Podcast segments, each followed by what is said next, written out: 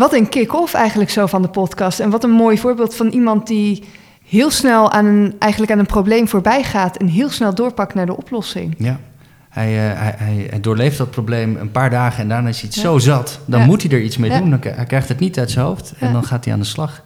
En mooi hoe hij ook de, de, de, de media en de social media. Hij, hij is daar goed in, hè? Dat kan hij goed. Ja. Nou, en ik vind het leuk om iemand zo enthousiast te zien vertellen over waar hij mee bezig is. Want ik merk dat het mij ook heel enthousiast maakt. Terwijl ik niet per se iets met ondernemen aan zich heb. Maar ik kan me voorstellen dat je dus zo ook heel veel mensen met je mee kan nemen in je enthousiasme. En dat is een mooie Jij gaat ook beginnen, denk ik, hè? Ondernemen. Ja, wie weet. Uh, wie weet. En die huisartsenopleiding, goh, dat gaan we nog wel zien. Hij is bijna klaar, gelukkig. Mooi. We gaan nog wel wat horen van Bernard Leenstra. En dan niet meer als Bernard Leenstra huisarts in opleiding, maar Bernard Leenstra huisarts. Of burgemeester. Of burgemeester.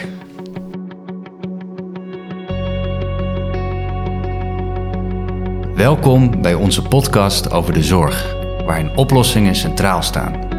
Nu is geen aandacht voor het probleem, maar voor de oplossing. Wij zijn Anna en Wessel. En in deze podcast spreken wij mensen die op hun eigen manier de zorg laten werken. Welkom bij de eerste aflevering van De Zorg Laten Werken. Vandaag hebben we Bernard Leenstra bij ons in de studio. En wauw Anna, wat hebben we hier naar uitgekeken. Niet alleen omdat we van start gaan, maar ook omdat we Bernard hier eh, bereid hebben gevonden om te komen. Bernard is eh, bij uitstek iemand die oplossingsgericht is. Ik denk dat je ze niet oplossingsgerichter tegen kan komen. Uh, dus heel geschikt om uh, ons concept mee af te trappen. Dankjewel dat je hier wil zijn. Voordat we met jou gaan praten, eerst even luchtig beginnen. Anna, wat heb jij deze week opgelost? Nou, best wel wat een leuke vraag. um, nou, het eerste waar ik aan denk was dat ik een uh, patiënt had die opgenomen was geweest in het ziekenhuis. En die zou ik controleren op de poli. En ik wist al van de opname dat ze ook in het privéleven heel veel te doen had. En een heel druk programma. En het kwam allemaal niet gelegen. En ik had maar één polydagdeel die week. Alleen die middag kon ze eigenlijk gewoon echt niet. we zijn natuurlijk altijd heel erg gewend als dokters dat patiënten zich aan ons aanpassen. Uh, maar eigenlijk had ik die andere dagen ook niet een heel vast programma. En zei ik, nou ja, ik kan ook op maandagmiddag komen, dan ben ik er ook. En dan zoeken we wel een plekje. Had ik een beetje gebluft. Maar gelukkig leek dat te kunnen op de poli. Er zou een kamer uh, vrij zijn. Die was natuurlijk niet vrij op het moment dat we daar waren. Dus uiteindelijk hebben we dat consult gedaan ergens achteraf in een soort bezemkastje met een onderzoeksbank. En het leuke daaraan, aan deze oplossing, vond, vond ik dat ik me aanvankelijk heel bezwaard voelde. Dat ik er zo achteraf ergens in een, in een kastje zag. Maar dat zij eigenlijk alleen maar ontzettend blij was dat ze gewoon even op dat moment terecht kon. En daar juist ook wel de charme van inzag. Dus dat uh, was een oplossing waar we alle twee heel tevreden mee waren. En het was door het gebruikelijke proces heen? Geen, geen gedoe mee gehad? DBC's die zoek waren? Of, uh... Nee, nou ja, ik heb ook geleerd, je moet niet al te veel toestemming willen vragen voor dat soort dingen, maar het gewoon uh, doen. Heel goed, mooi. En um, Wessel, heb jij nog leuke dingen opgelost deze week? Nou, ik moest, uh, ik moest denken aan uh, iets wat me al een tijdje bezig hield. Dat wij uh, in het bedrijf het steeds drukker krijgen met allerlei operationele zaken. En dat heb je als je groeit. En dat ik merkte dat de grote lijn soms een beetje op de achtergrond verdween bij mij en ook bij de anderen. En wat ik nu ingesteld heb voor mezelf, in ieder geval, is een afspraakvrije dag. Een dag waarbij ik um, eigenlijk geen vaste afspraken heb, geen calls van tevoren plan, maar gewoon zie wat er gebeurt. Vaak werk ik, soms uh, sport ik er ook bij, soms zie ik uh, contacten buiten het bedrijf. Hartstikke leuk om te doen. Maar dat geeft me heel veel rust en ruimte om aan het bedrijf te werken in plaats van in het bedrijf. Dus dat is een uh, fijne oplossing voor mij. Kijk, en wordt dat door de rest van je bedrijf ook gewaardeerd? Ja, het is ook een voorbeeld, dus de rest wil dat eigenlijk ook gaan doen. Dan gaan we het aan jou vragen, Bernard. Ja. Voordat we naar het probleem gaan en de oplossing waar je voor uitgenodigd bent. Ja. Wat heb jij deze week opgelost? Dat is een mooie vraag, ook, ook om mee te starten. Uh, zeker als het een beetje gaat over op oplossingsgericht denken. Ik moest meteen denken aan het initiatief wat ik uh, eigenlijk gisteravond heb bedacht. En vandaag iets meer ben gaan uitwerken.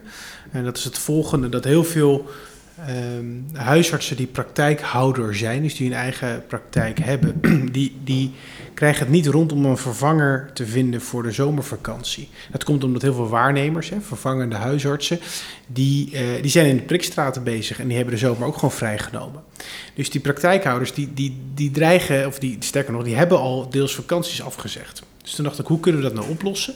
Waarom zouden we niet laatstejaars huisartsen in opleiding, die al bewezen hebben dat ze zelfstandig kunnen werken, een weetje bij zo'n praktijkhouder laten werken?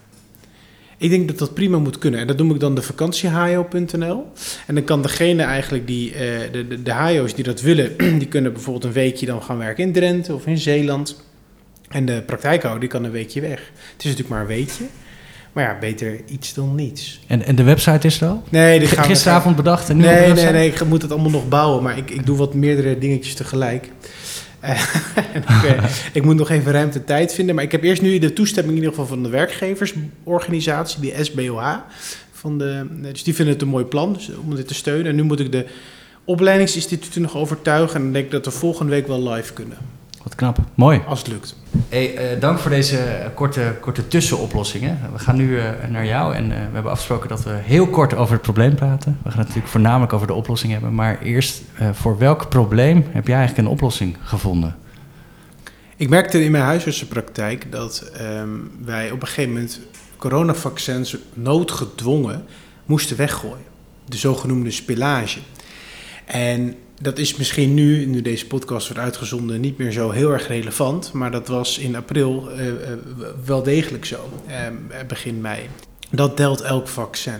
Ik moest een beetje denken aan een initiatief wat ik ken uit Utrecht, Too Good To Go. eh, waarbij je dus eigenlijk die vaccins, die, die, die, die, of sorry, dat, dat initiatief met dat eten, Too Good To Go, dat, dat zorgt ervoor dat er eten niet eh, wordt verspild. Dus restaurants die iets over hebben, die zetten het op de website en dan kan je het voor een prikkie, leuke woordspeling, kan je die, eh, kan je die eh, komen ophalen.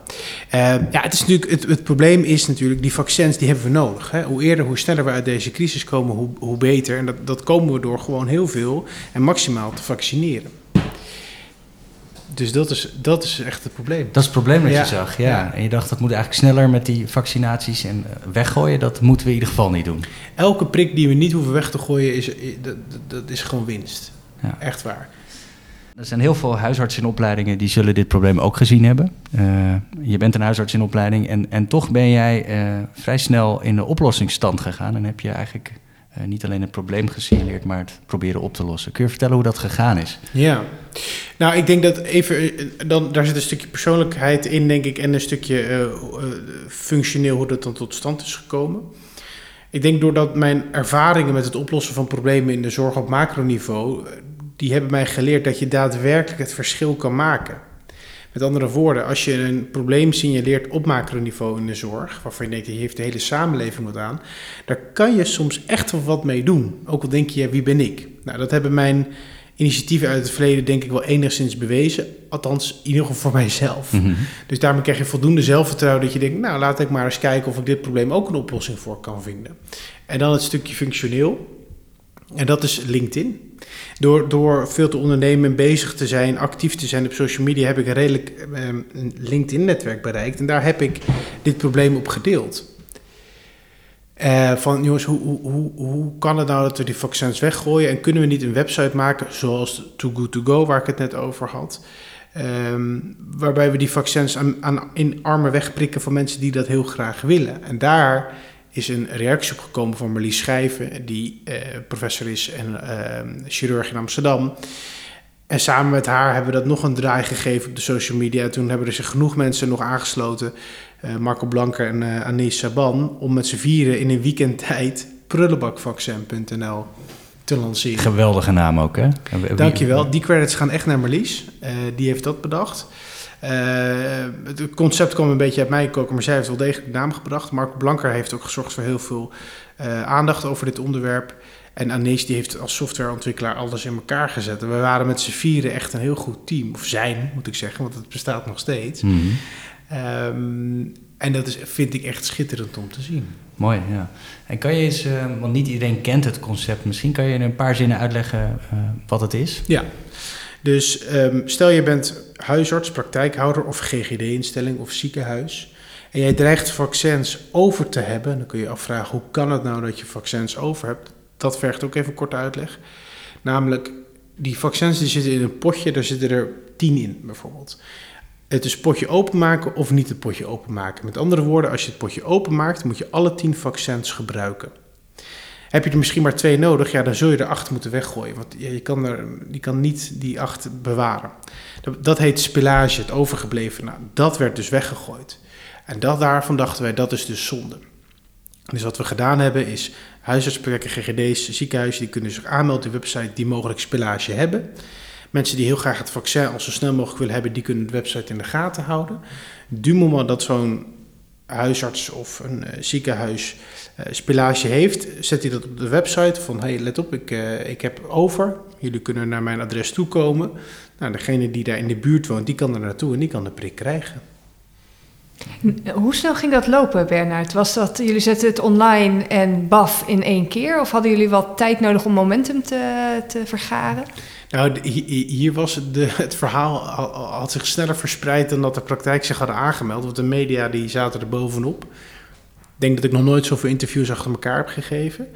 Um, maar zoals je ziet, nu op, inmiddels op het moment dat we deze opname maken, zijn er 200 uh, locaties aangesloten. Um, en dat is eigenlijk in een soort, ja, een soort steile lijn in, in drie, vier weken gegaan. En er zijn echt ja, misschien wel duizenden, we weten het niet eens precies, vaccins nu gered. Ja, dat, dat, is, dat is heel gaaf. Je hebt het over de media, die er gelijk bovenop kwam.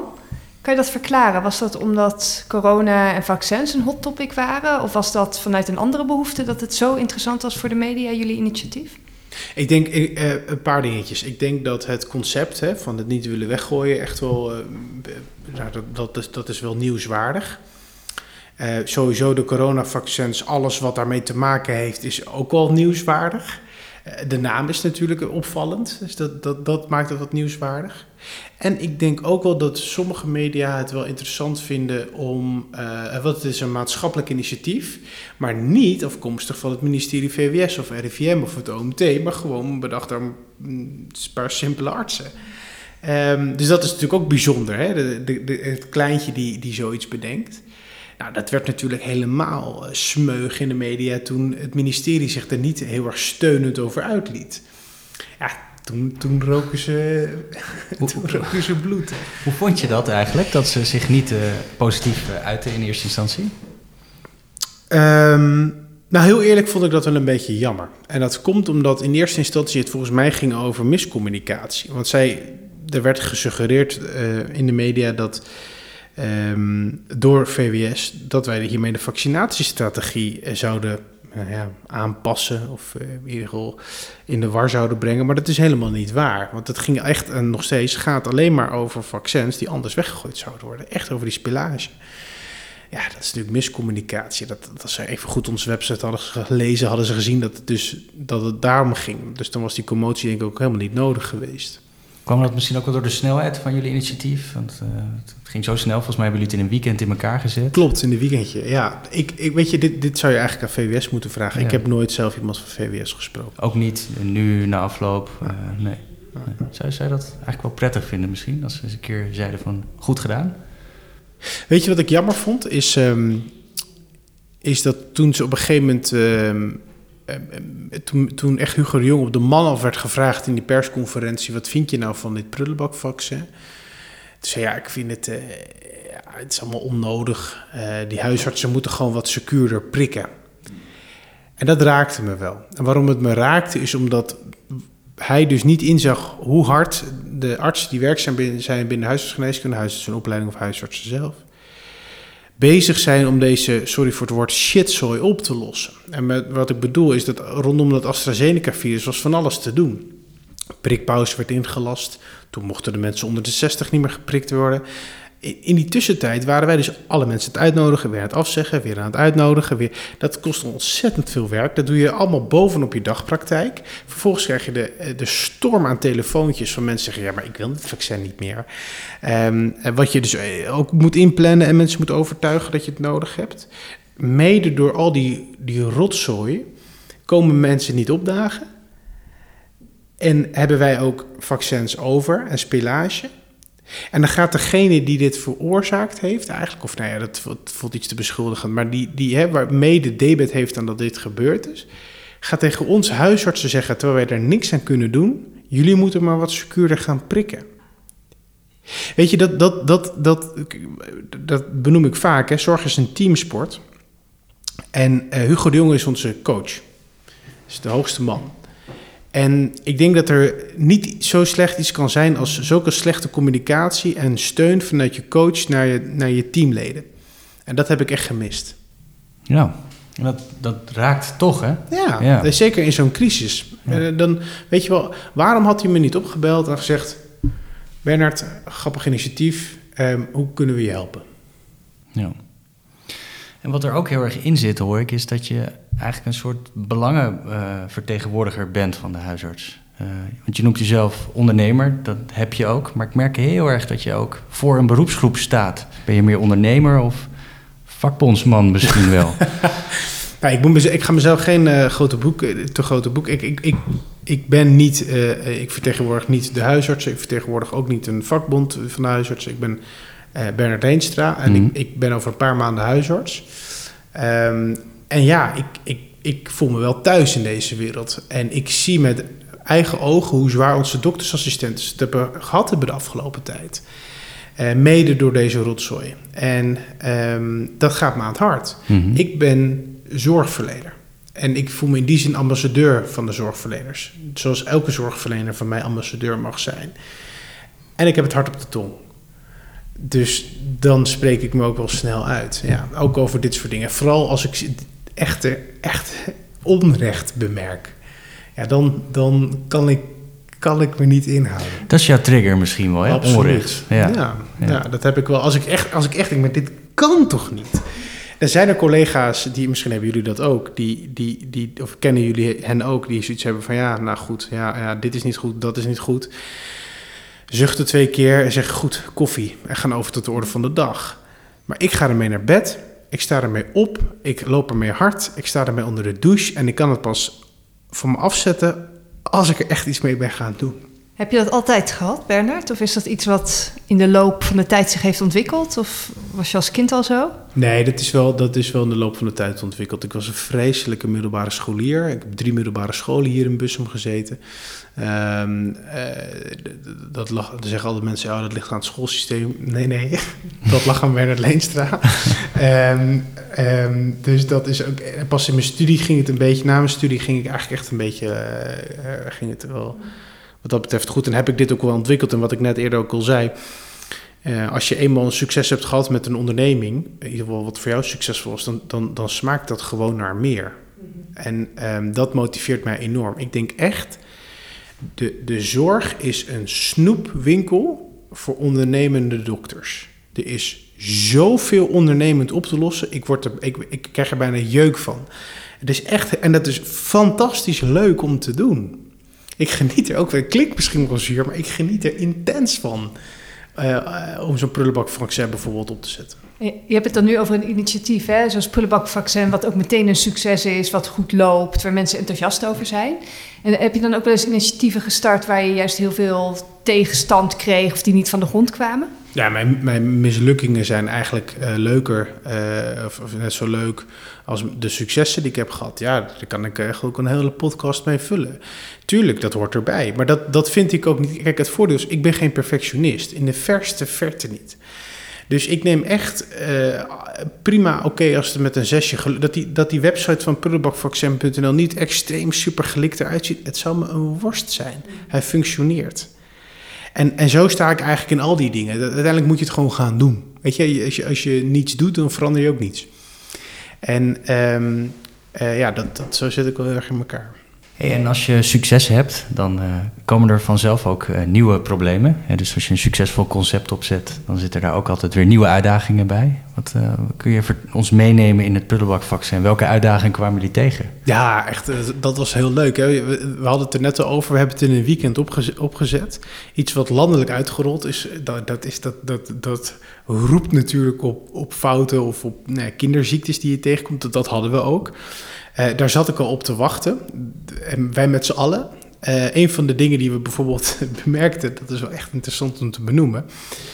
We hadden echt gedacht, als wij nou gewoon, hè, zo'n huisartsenpraktijk die meldt zich aan, nou, die, die komt dan op de website te staan. En dan staat er op de kaart de locatie en dan staat er het adres bij en het telefoonnummer. En dan staat erbij, nou, heeft op dit moment geen vaccins beschikbaar. En wij gaan er gewoon vanuit dat mensen rustig zouden wachten totdat dat huisje op groen pinkt. Hè. Dat zou die huisarts kunnen doen van, ja, op dit moment hebben wij vaccins wel beschikbaar. Maar wat er gebeurde, was voor die huisartsen die, die geen vaccins beschikbaar hadden. Mensen gingen er al en masse naartoe. Mensen gingen die praktijk plat bellen. van, ja, maar willen jullie voor mij eentje achterhouden straks? En dat, de, de hele patiëntenzorg kwam er, niet, kwam er gewoon niet eens meer doorheen, omdat ze alleen maar voor de prullenbakvaccin. En dus toen moesten meteen alles van de website. Iedereen belde ons, we haal ons van de website, haal ons van de website, we kunnen niks meer. Mensen zijn tot zeven uur s'avonds naar praktijken toegegaan, maar gewoon voor de stoep zitten wachten van ja, misschien hebben jullie straks wel vaccins. Ja, dat was niet de bedoeling. Dus dat hebben we opgelost door, door pas de gegevens zichtbaar te maken op het moment dat er daadwerkelijk vaccins ook waren. Um, om, nou, die, dat, om die foto's ook te voorkomen hè, met die rijen. Nou ja, dat is, daarna kan er zelfs nog rijden. Want um, het, wij hadden op zijn piek hadden we 70.000 bezoekers per uur. En uh, toen er in Gouda of Rotterdam, het was Gouda meen ik ja, Gouda uh, op een gegeven moment dus ook die gegevens beschikbaar werden, gingen er echt honderden mensen uh, gingen daar naartoe, omdat, ja, dat zagen ze op die website. Um, dus het was zo populair dat we nu de, ingebouwd hebben dat de gegevens maar 10 minuutjes zichtbaar zijn. Want toen was hij twee uur zichtbaar.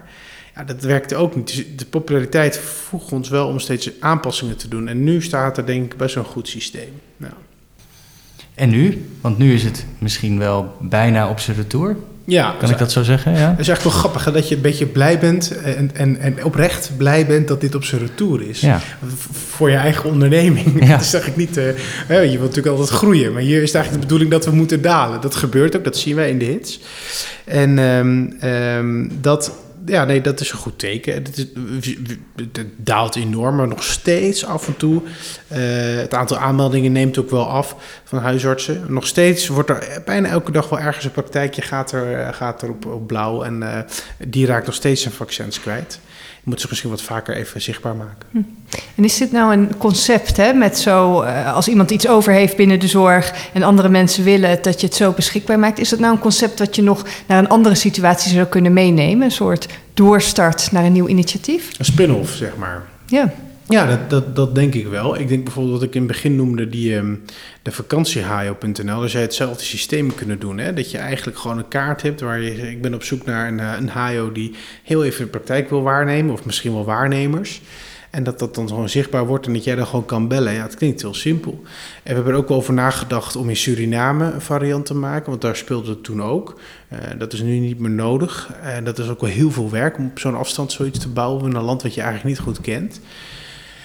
Maar het concept, kijk, het toont gewoon dat je in een weekend, als de wil er is, kan je echt heel snel iets van de grond krijgen. Uh, nou, dat heeft mij alleen nog maar weer geenthousiasmeerd dat ik denk, er is echt heel veel mogelijk als je echt wil. En nu stoppen met die huisartsopleiding dan? En al je tijd op je ondernemingen?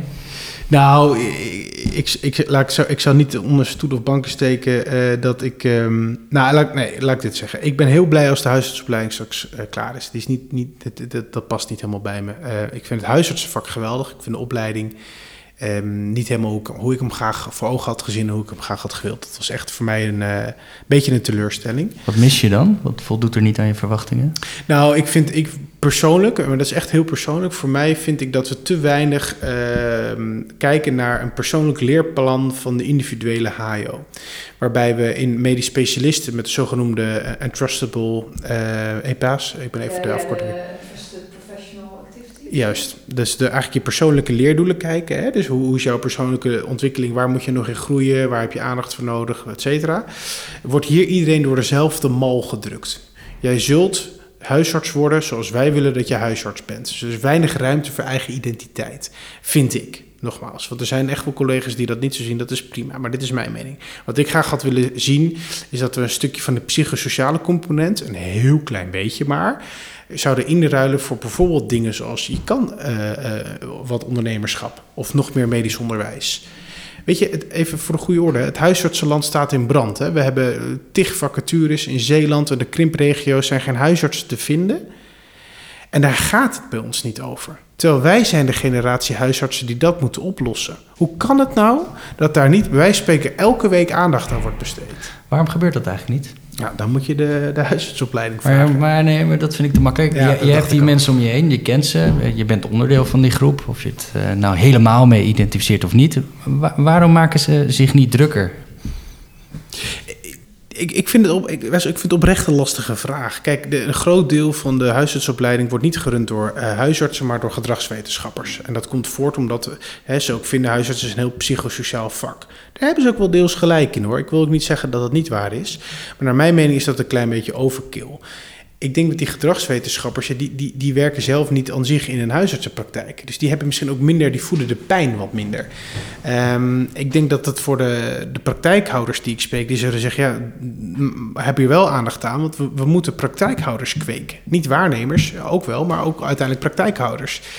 Uh, die continuïteit van zorg kunnen leveren. Maar er, er is naar, naar mijn mening nogmaals te weinig aandacht voor. En ik denk dat je dat, je dat sexy moet maken. Ja. Want het is nu zo dat eh, een, een HIO en een chirurg um, uh, dit idee hebben gelanceerd. Terwijl al de rest van de huisartsen dat allemaal niet gedaan hebben. Ja, het gekke is, de, de, de praktijkhouders die zijn echt bezig met bijna, zou ik willen zeggen, overleven. Ja. Want die hebben het razend druk. om heel veel redenen, qua administratieve last en de, de, de tekorten in ondersteunend personeel. Dus ik snap wel dat die niet zoveel tijd hadden om dit te uh, want ik vind het helemaal geen briljant concept, als ik heel eerlijk ben. Het is eigenlijk een heel simpel idee. Maar je moet wel de tijd hebben en de zin hebben om het uit te werken. Juist. Daar gaat het om. Ja. Dus daar zou in de huisartsopleiding meer ruimte voor mogen zijn. Wat ik nou wel benieuwd naar ben, hè? want je zegt je bent een ondernemer, je bruist volgens mij van de ideeën. Als jij het voor het zeggen zou hebben en je zou de huisartsen zeg maar, geneeskunde vanaf de grond helemaal zelf mogen opbouwen en vormgeven. hoe ziet huisartsengeneeskunde er volgens jou dan uit in Nederland? Welke rol heeft de huisarts en hoe zou dat dan georganiseerd moeten zijn? Ik zou beginnen met de vraag die je mij nu stelt, te vragen aan iedereen die solliciteert om een huisarts te worden. Wat zie jij als de rol van de huisarts? En ik begrijp heus wel dat we niet iedereen een soort van vrij kunnen laten en dat iedereen een soort chakra-huisarts. Natuurlijk, er moeten duidelijke richtlijnen zijn en de, en de G-standaarden zullen altijd leidend zijn. Daar ben ik het echt mee eens. Maar je, je, de, je, ik vind ook dat als dokter krijg je een beetje de huisarts die je toekomt. Dus um, dat zijn volwassen mensen hè, die aan de huisartsopleiding gaan studeren. Dat zijn geen middelbare scholieren meer. Die hebben echt wel vaak een beetje nagedacht over wie ze zijn, wat ze willen doen. Dus ik, ik, ik geloof niet meer in de huisartsopleiding. Ik denk dat, je dat, dat, je dat, dat dat een beetje gemixt zou mogen worden, afhankelijk van welk profiel bij je past. Niet, niet elke huisarts in opleiding is een ondernemer, ben je gek. Maar ook niet elke huisarts is een wetenschapper. In de medisch specialistische wereld, en dan kijk ik jullie ook met veel plezier aan, weten jullie dat het vrijwel de norm, nou, laten we nog zeggen, is dat je gepromoveerd bent. Al is het op een spermacel van een kabeljauw. Als je maar dat S'je kan wegpoetsen achter die DR, want dan heb je meer, heb, betere papieren. Krankzinnig. Um, niet elke medisch specialist, niet elke huisarts is een wetenschapper, niet, niet, niet elke dokter is een ondernemer. Maar als je dat wil zijn, moet je die ruimte kunnen krijgen. En dat mist volledig. Dus dat, dat daar zou ik mee beginnen. Zo, deel maar in wat voor, wat voor type dokter we zijn. En overigens, huisarts alleen zijn is natuurlijk ook wel prachtig. Hè? Um, maar, je, maar, voor jou niet genoeg? Nee, voor mij niet genoeg. Nee. Maar dat, is, dat ben ik. En, en je, je, kijk, daar ook over nog, je oogst wat je zaait.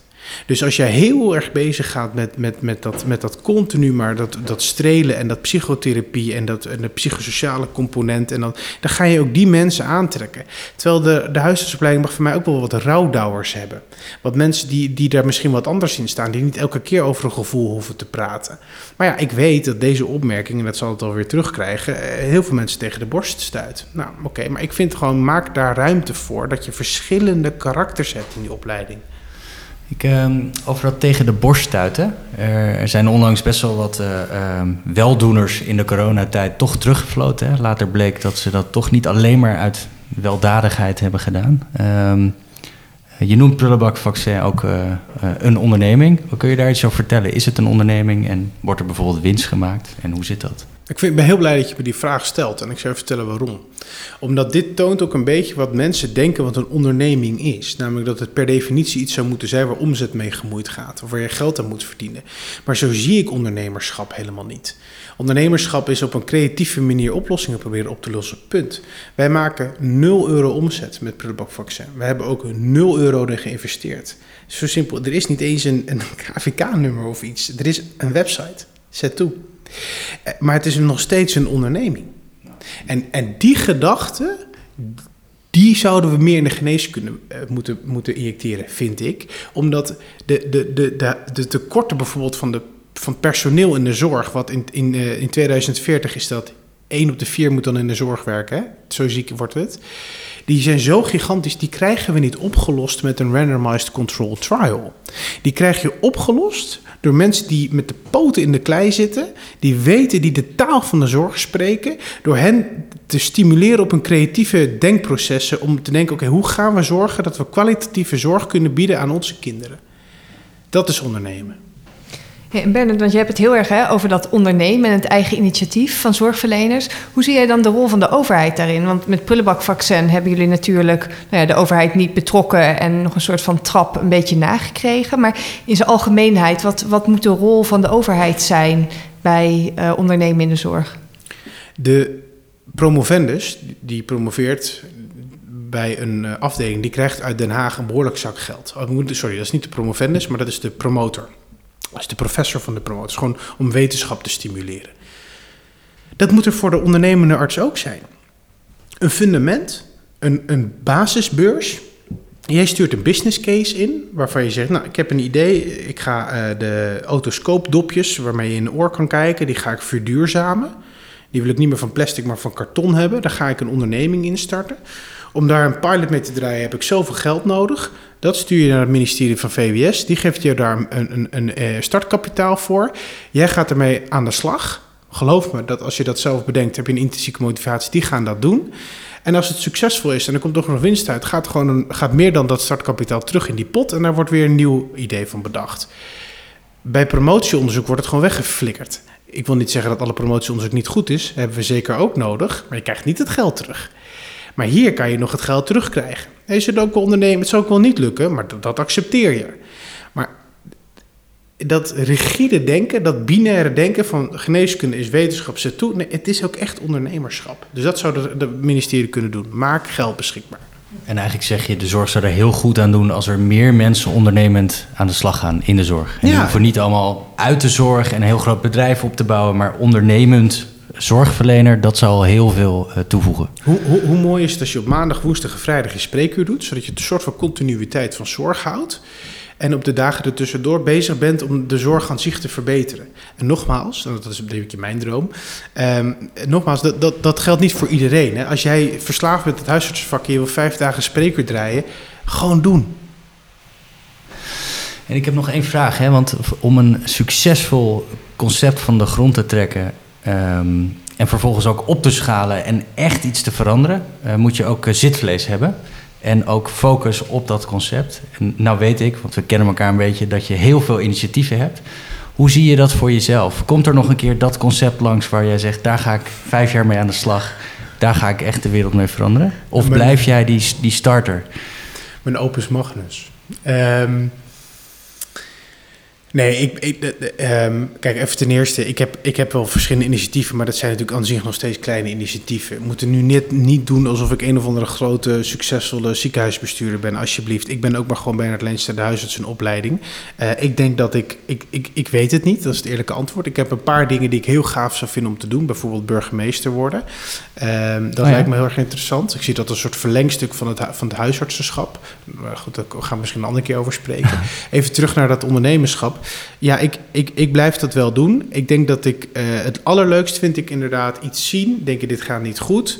En als ik merk, oké, zelfs op het toilet of onder de douche of tijdens het hardlopen blijft het in mijn hoofd zingen, dan weet ik nou, dat je kan twee dingen doen. Het gaat pas uit je hoofd als je een blanco A4 pakt. En ik, ik begin altijd met een blanco A4'tje. En dan ga ik gewoon schrijven, tekenen, krassen. En dan begin ik opnieuw en weer hardlopen, douchen. En dan begin ik, dit is wat ik moet doen. En zo rolt dat er dan wat uit. En, en meestal lees ik het terug en ik zeg waardeloos. Maar ja, soms valt het wel net goed. En dan krijg je dus een soort uh, schokkenpomp of prullenbakvaccin of noem het maar op. Um, en wat jij zegt, want jij bent zelf ook ondernemer, dus dat vind ik wel interessant. Dat, jij noemt dat zitvlees, nou daar ben ik het ook helemaal mee eens. Het is um, doorzettingsvermogen. Mm -hmm. Het is niet zaligmakend. Je hebt ook, sorry voor het woord, kut shit. Wat je als ondernemer te verwerken hebt. Ik noem dat gewoon zo, want zo voelt dat ook. Uh, daar moet je doorheen kunnen. Je moet er doorheen bijten. Mensen die tegen mij zeggen: Bernard, ik wil ondernemer worden, want dan ben ik zo lekker vrij. Ja, dat is gewoon echt niet waar. Het is ook echt buffelen en hard werken. En, en twee is, en ik, ik um, dat noemde, hoorde ik je ook zeggen, focus. Voor mensen voor wie focus goed werkt, die moeten zeker focus houden. Als je mij eh, één, bedrijf, één initiatief zou laten doen, of ik zou alleen maar huisarts moeten zijn, dan gaat het gewoon niet goed met me. Nee. Je hebt het eigenlijk nodig. Ik heb die verschillende prikkels nodig. Van hak op de tak gaan, iets bedenken voor bedrijf A. Maar dan denk ik, nee, wacht even, dit moet ik echt op bedrijf D toepassen. Want dat kan als ik dat dan zo doe, weer bij C, maar dan komt dat ook weer terug bij A. Zo gaat het in mijn hoofd. En dat heb ik nodig. Ja. En wat trekt je dan zo in, in het vak of het ambt van burgemeester? Wat, wat, wat, trekt jou daar? Dat je uh, als huisarts, iedereen wordt ziek. Hè? Of je nou rijk bent, dik, dun, paars, geel. Het, het maakt me ook niet uit. Het, het schitterend, want ik ben verslaafd bijna aan het vak van huisarts zijn, is dat ik de hele samenleving voor me zie. Uh, ik zit dan nu even in Beeldhoven Noord. Dat is zo'n selectieve stukje van de samenleving. Maar in principe zie je, zie je de hele samenleving. Dat vind ik echt schitterend. Want ik vind het niets mooier dan in de hele samenleving te staan. Als burgemeester denk ik, en ik, moet, ik weet dat jouw vader burgemeester uh, is, dus um, uh, ik moet een beetje me oppassen. Maar hoe ik het voor me zie, is ben je dus ook die burger, burgervader van die hele samenleving van jouw gemeente. Um, of daar nou de immigrant woont, de, de kakker, de postbode, de tuinman. Je bent burgemeester voor hen allemaal. En dat zie ik daar een soort verlengstuk in. Waarvan ik denk, oké, ik ga mijn mouwen opstropen. Dit is de kleine gemeente waar, waar, waar we het mee gaan doen. Hoe gaan we het leuker maken voor iedereen die hier woont? Nou, dan kan ik mijn handen jeuken. Weet je, wat, wat voor duurzaamheidsprojecten gaan we doen? Hoe gaan we de zorg verbeteren? Hoe gaan we zorgen dat Jantje dit kan krijgen en Pietje zus? En dat we het met z'n allemaal een klein stukje beter gaan krijgen. Nou, dat vind ik echt schitterend. En dan krijg je misschien ook, want de luisteraars die zien niet hoe geanimeerd jij hier ook met je handen zit te gebaren en zegt en dan pluk ik daar wat vandaan en daar wat vandaan. Is dat dan ook wat, wat je daarin aantrekt, dat je dan alles bij elkaar kan brengen en meerdere dingen tegelijkertijd? Uh, ja, ik heb wel zijn... nieuwe prikkels nodig. Ja. Ik, ik, ik, ik, denk niet dat, dat ik tot mijn zestigste huisarts blijf. Ik, wel lang, want de mensen heeft betaald voor mijn opleiding, de samenleving. Dus ik vind dat ik dat netjes terug moet betalen door, door jaren in dit vak actief te zijn. Dat zal ik met veel plezier doen. Maar er is nog wel meer op te lossen. En ik word, kijk, ik ben niet de type die de hele dag op de bank een serie gaat kijken. Ik word enthousiast van dingen oplossen. En, en dat, ja, dat heb ik nodig. Ah, mooi dat je dat zegt, want onze hele podcastrace gaat over dat oplossen. Dus we hadden ons geen betere gast kunnen wensen die enthousiast wordt over oplossingen. We hebben ook heel weinig eigenlijk maar over problemen gepraat. Dat, ja. dat is gelukt. Heel veel over Geweldige oplossingen kick-off. Uh... Ik wil je eigenlijk vragen van, uh, je hebt een, een skill, dus je signaleert een probleem en je komt met een oplossing. Wat kan je mensen die dat zouden willen trainen, ontwikkelen, meegeven? Wat zou je tip zijn? Dat um, de neiging die veel mensen hebben, is dat ze op het moment dat ze een idee hebben, heel snel uh, uh, wegdraaien en kijken naar de beren op de weg. En die zullen er altijd zijn. Maar wat je een beetje merkt is, hoe uh, eerder je naar die beren gaat kijken, des te sneller gooi jij je idee in de prullenbak. Terwijl het soms best wel, best wel een aardig idee is. Dus ook daar geldt weer, zet is door. Oké, okay, prima, dat gaat niet lukken van dit, maar, maar denk nou eens door. En ik heb wel eens een, een denktank georganiseerd en, uh, voor academici om over verschillende dingen na te denken. En daar had ik een, um, een leeftijdsgrens. Dat is best wel discriminerend, dat weet ik, maar daar mocht niemand zitting innemen die ouder was dan 35 jaar. En waarom had ik dat? Omdat ik wilde voorkomen dat er uh, stafleden of professoren zouden gaan zitten die al lang zouden overzien. Ja, maar dat werkt daarom niet en het werkt daarom niet en het werkt daarom niet. Terwijl dat jeugdig enthousiasme, dat je denkt dit kan. Weet je hoeveel mensen tegen mij zeiden, Bernard, schok en pomp beginnen niet aan. Ik had mijn spaargeld, heb ik die poppen van gekocht. Je bent gek. Je bent gek. Dit moet je niet doen. Want dit en dit en het Rode Kruiszus en het Oranje Kruiszus en al. Wat, waar ben je aan begonnen? Maar kijk nu, we zijn de tweede grootste EHBO-organisatie van Nederland. Het werken 52 mensen. We zitten op zeven plekken verdeeld al in dat land in vier jaar tijd. En het mooie is, dat, dat komt helemaal niet door mij. Dat, dat komt alleen maar door het verhaal en de mensen die daar enthousiast van worden en andere mensen weer zijn gaan enthousiasmeren. Weet je wel, dus het kan echt. Maar je moet, je moet gewoon doorzetten daar. Dus vermijd de beren op de weg. Nee, je komt ze wel tegen. Ja. Je moet het niet te rooskleurig maken. Je komt ze heus wel tegen. Maar parkeer ze even. Ga heel even door. Draai er heel veel mensen. Kom zo bij jou terug. En dan ga je verder en verder en verder. Op een gegeven moment denk je, dit gaat echt werken. En dan ga je terug eens naar die beer. En dan ga je nog eens kijken met die nieuwe informatie die je al hebt. Hoe kan ik dit hier afstand van nemen? Ik vind het wel leuk, Bennett, want hoe jij het zo zegt... ik kan me ook voorstellen dat... Hè, je zegt, je richt zo bedrijven op. Andere mensen worden daar enthousiast van, die gaan meedoen. En dat dat dus ook is wat mensen nodig hebben. Die hebben iemand nodig die over die problemen heen kan kijken... om de boel in gang te zetten. Dus zo krijg je ook weer heel veel mensen mee. Dankjewel. We hopen dat uh, veel mensen daarmee aan de slag gaan... om met een ondernemende manier naar de zorg te kijken... en op die manier ook uh, de zorg te verbeteren, te laten werken. Want zo heet de podcast. Dankjewel uh, voor je komst en je verhaal. Graag gedaan. Dankjewel jongens. Dit was de eerste aflevering van de podcast De Zorg Laten Werken, waarin oplossingen centraal staan. Wij worden mega enthousiast van de oplossingsgerichte energie zoals die van Bernard. En jullie als luisteraars hopelijk ook. Heb jij ook genoten van deze podcast? Deel de aflevering dan vooral ook in jouw eigen netwerk om deze positieve energie te verspreiden. In de volgende aflevering zijn Tiara, Tessa en Doris te gast. Drie ondernemende geneeskundestudenten en de drijvende kracht achter het succes van Koffieco, de podcast. Tot dan.